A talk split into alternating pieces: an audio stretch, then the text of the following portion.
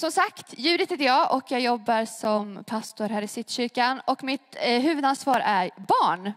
Och det tycker jag är jätteroligt. Så den här gudstjänsten tycker jag ju är kul.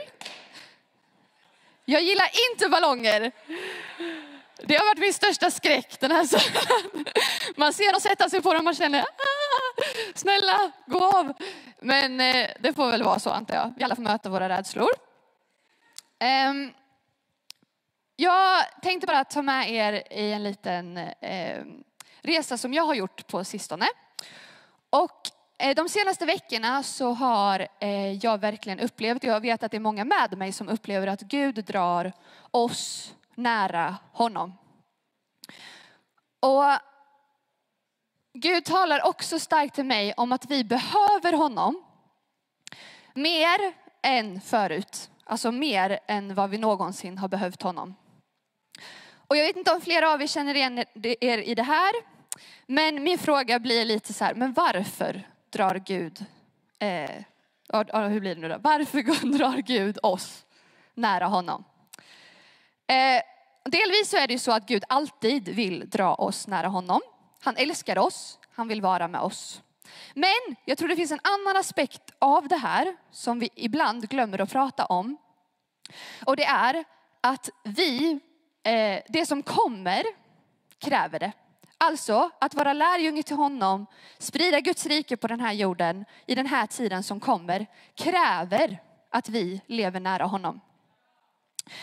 Eh, och jag vill lägga ut lite för er idag varför jag tror att det är så. Vi ska läsa från eh, Markus evangeliet 5, 1-20. Jag har kortat ner det lite för 1-20, ni känner direkt kanske, oj det var länge. Eh, ja. Men jag har kortat ner det lite. Men den här berättelsen i alla fall, så möter vi en man som lever bland gravarna. Mannen har en oren ande och ingen kan binda honom. De har försökt binda honom med kedjor, både med händer och fötter. Ingenting lyckas. Ingen var stark nog att rå på honom. Och så här står det. Ständigt, natt och dag, höll han till bland gravarna och uppe i bergen. Och han ropade och han slog sig själv med stenar. När han nu på långt håll fick se Jesus sprang han fram och föll ner för honom och skrek, vad har jag med dig att göra Jesus, den högste Gudens son? Jag besvär dig vid Gud, plåga mig inte. För Jesus hade just befallt honom, far ut ur mannen, du orena ande. Nu frågade han honom, vad är ditt namn? Mannen svarade, mitt namn är legion, för vi är många. Och han bad gång på gång att Jesus inte skulle driva bort dem från området. Och där gick då en stor svinjord och betade vid berget. De orena andarna bad honom, skicka iväg oss till svinen så att vi kan fara in i dem. Det tillät han och då for andarna ut ur mannen och in i svinen och jorden störtade sig utför branten ner i sjön.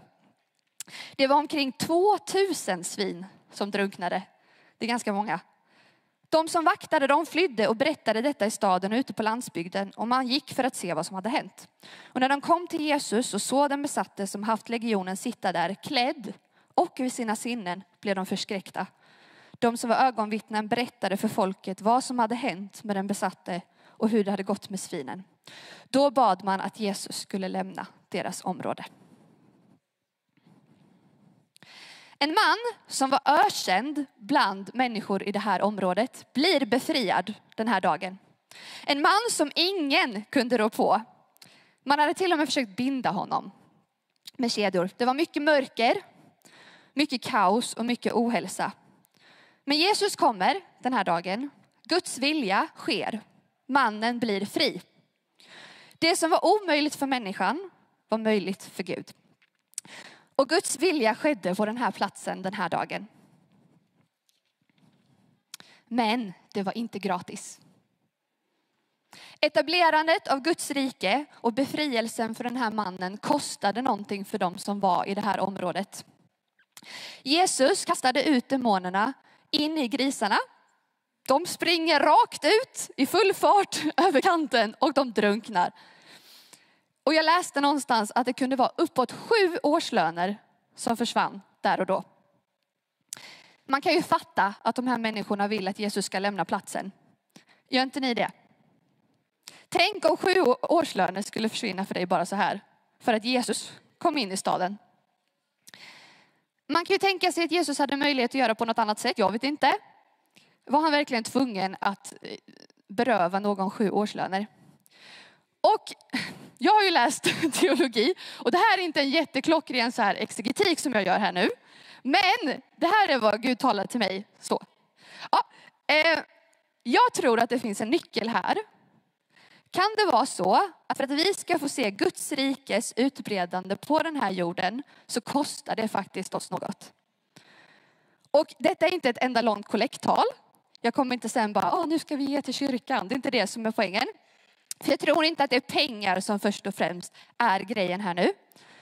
Utan snarare att det kostar någonting av oss, av vår bekvämlighet.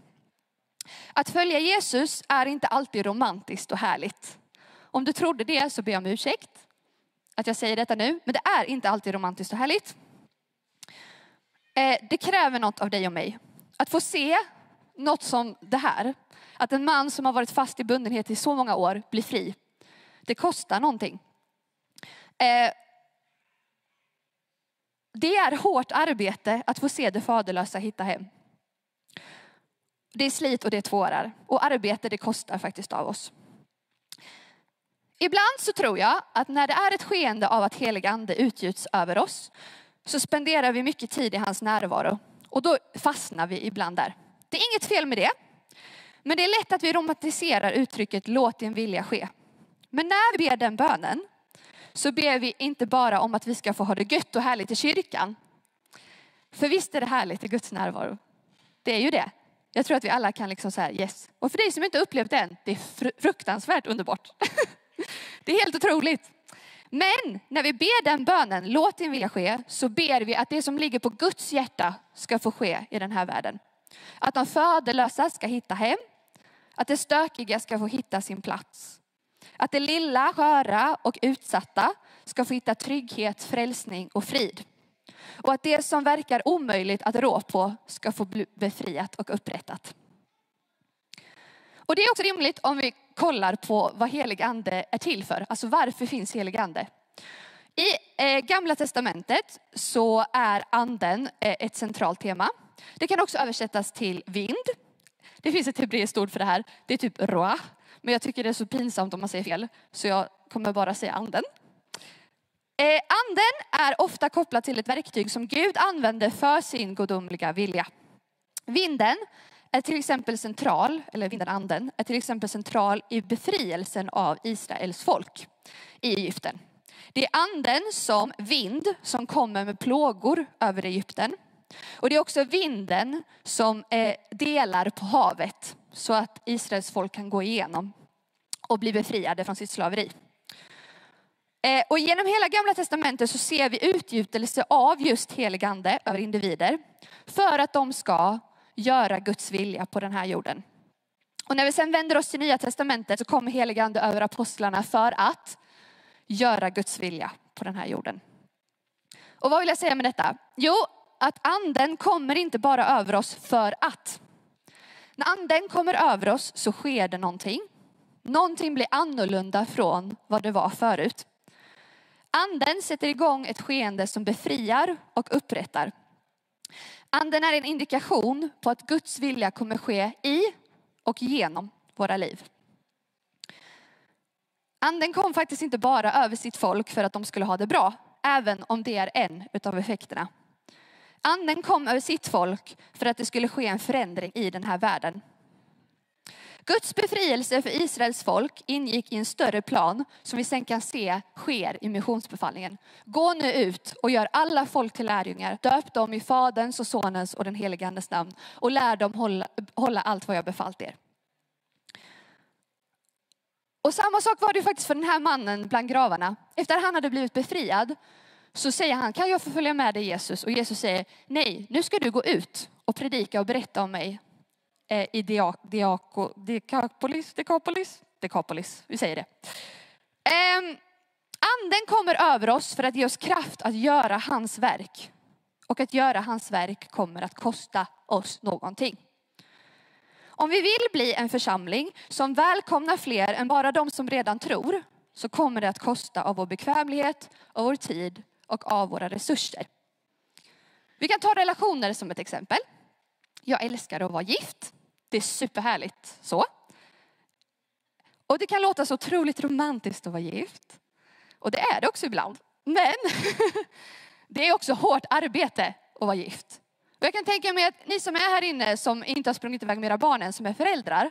Det är hårt arbete att vara förälder. Det är inte bara så här, jag kan gå upp på morgonen och så hoppas att allt blir bra. Utan det är hårt arbete att vara förälder. Jag behöver lägga ner tid och engagemang och hjärta för att det ska få bli bra. Liksom. Och samma är det för mig i min relation till Gabriel. Alltså det är inte alls samma sak. Det är inte som att jag har ett barn hemma. Det låter jättekonstigt här nu. det var inte så jag menade. Jag menar bara att eh, jag menar bara så här att eh, det kostar av min bekvämlighet. Det kostar av mitt eget för att ge det till Gabriel för att det ska bli en bra relation. Till exempel, jag får inte alltid kolla på den serien jag vill. ja, det, är lite, det är ett litet problem. Men, eh, nej men ni förstår. Eh, alla relationer kostar oss något. Eh, vi behöver sätta oss själva åt sidan ibland för att eh, det ska bli bra för någon annan. Och samma sak gäller faktiskt vår relation till Jesus. Det kostar oss att följa Jesus. Och att få se Guds rike breda ut sig.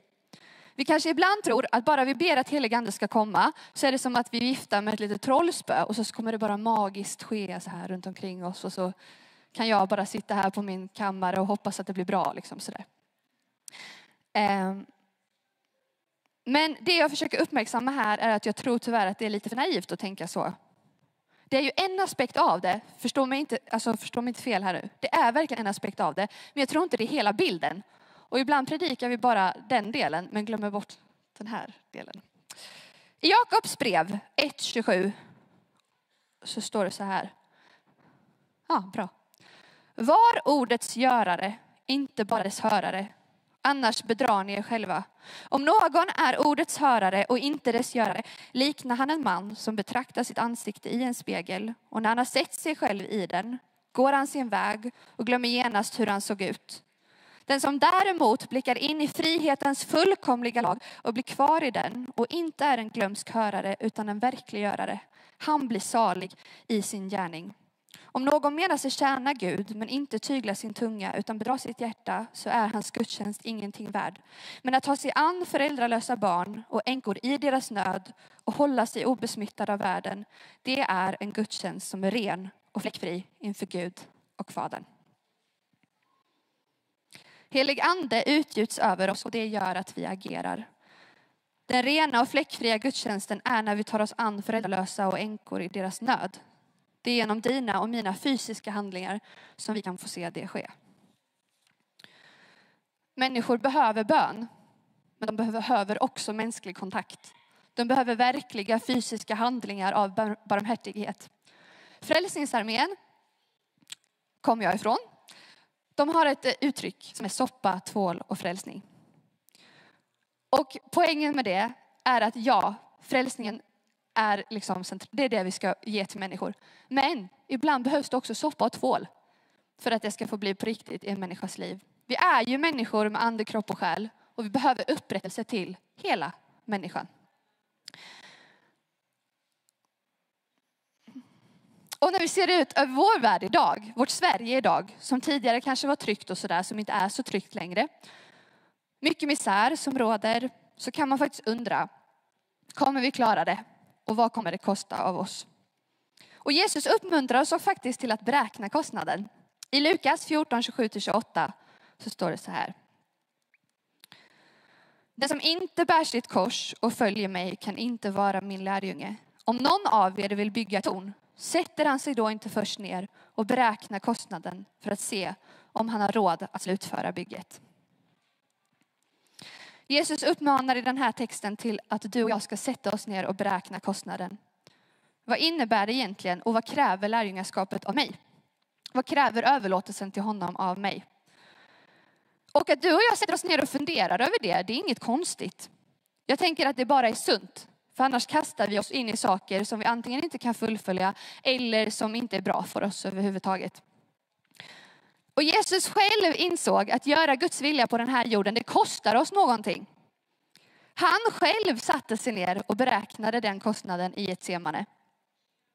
Han säger om det är möjligt, låt den här bägaren gå förbi mig.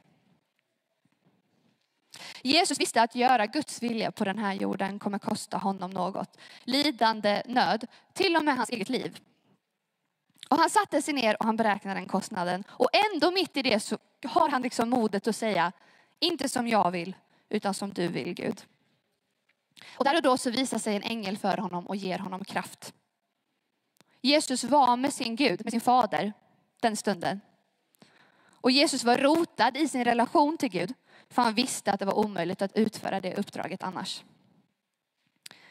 Jag tror att Gud vill säga det här till oss för att vi inte ska vara ett naivt folk som blir chockade av det som kommer. Utan för att vi ska förbereda oss för det som kommer. För om detta som jag säger nu är sant så behöver vi verkligen Jesus.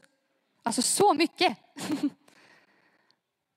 Jag tror att Gud drar oss nära honom för att vi som Guds barn, vi som redan hittat hem, vi som redan tillhör, vi behöver en intim relation med Fadern. Inte en skör och bräcklig relation som bryts av minsta motstånd.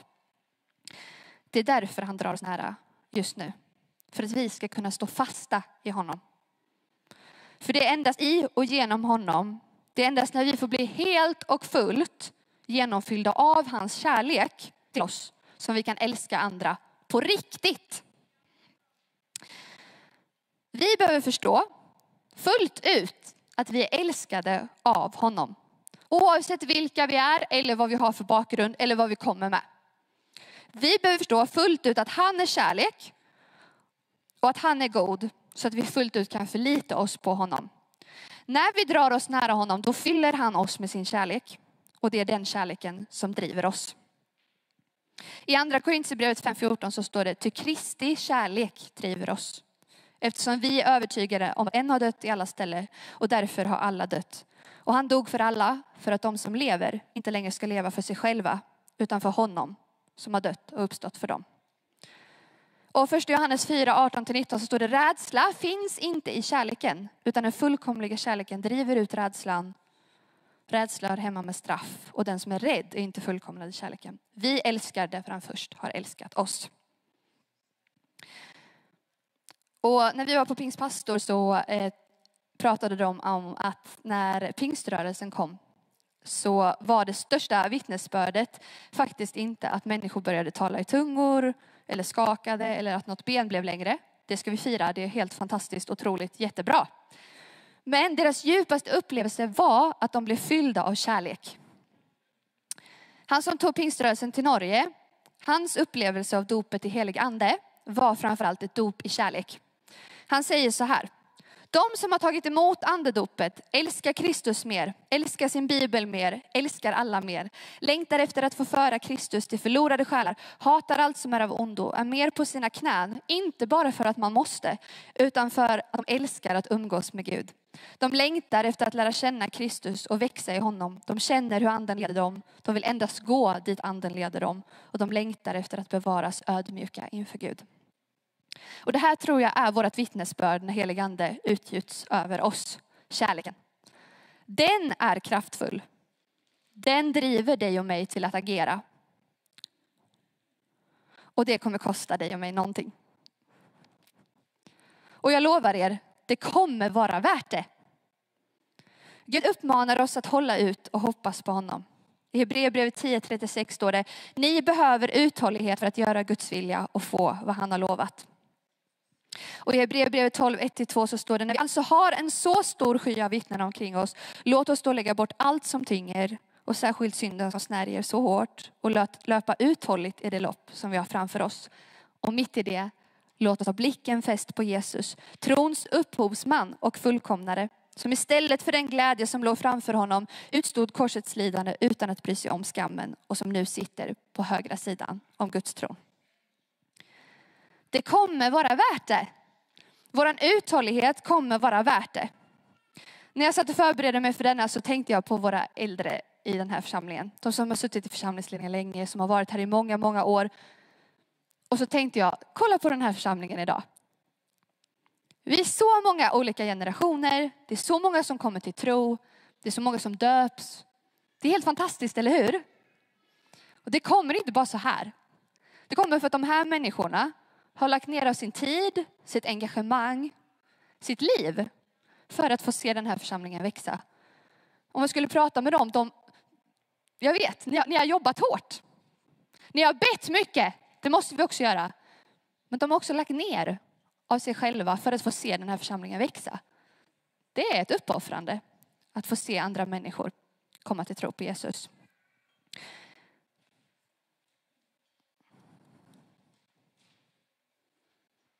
Förlåt, jag trodde det var ett djur, men det var inget djur.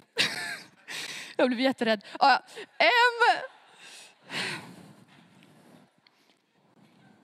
ja. I alla fall. Jag ville bara säga till er idag att det var värt det. Guds verk genom er, det var värt det. Och när vi i den här församlingen får se Guds vilja ske så kommer det vara värt kostnaden. När du och jag får se barn möta Jesus i den här församlingen, då kommer det vara värt det.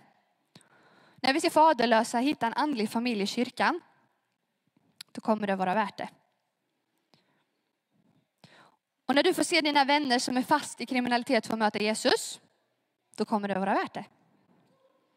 Och när vi får se hemlösa komma på fötter igen, då kommer det vara värt det.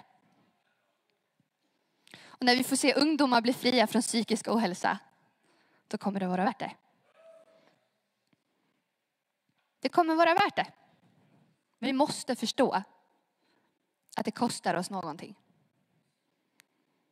Och jag tror att han säger inte detta för att så här, åh nu måste, du, nu måste du sitta ner och tänka på hur mycket det kommer kosta dig och annars kommer du lalala. Det är inte därför. Jag tror bara att han vill förbereda våra hjärtan på det som kommer. Inte döma ut, inte peka finger. Inte... Vi alla är på olika resor. Vi alla har kommit olika långt i den här resan och det är helt okej. Okay. Men jag tror att han ändå vill förbereda oss för det som kommer. För Gud, han kastar oss inte handlöst in i någonting. Åh, nu får du klara dig själv. Han gör inte så. Han är en god fader. Men just nu förbereder han oss att utföra sina goda verk i den här världen genom att utgjuta sin ande över oss. Genom att dra sig nära oss. Så att vi blir fasta i honom. Så att vi förstår att hans kärlek övervinner allt.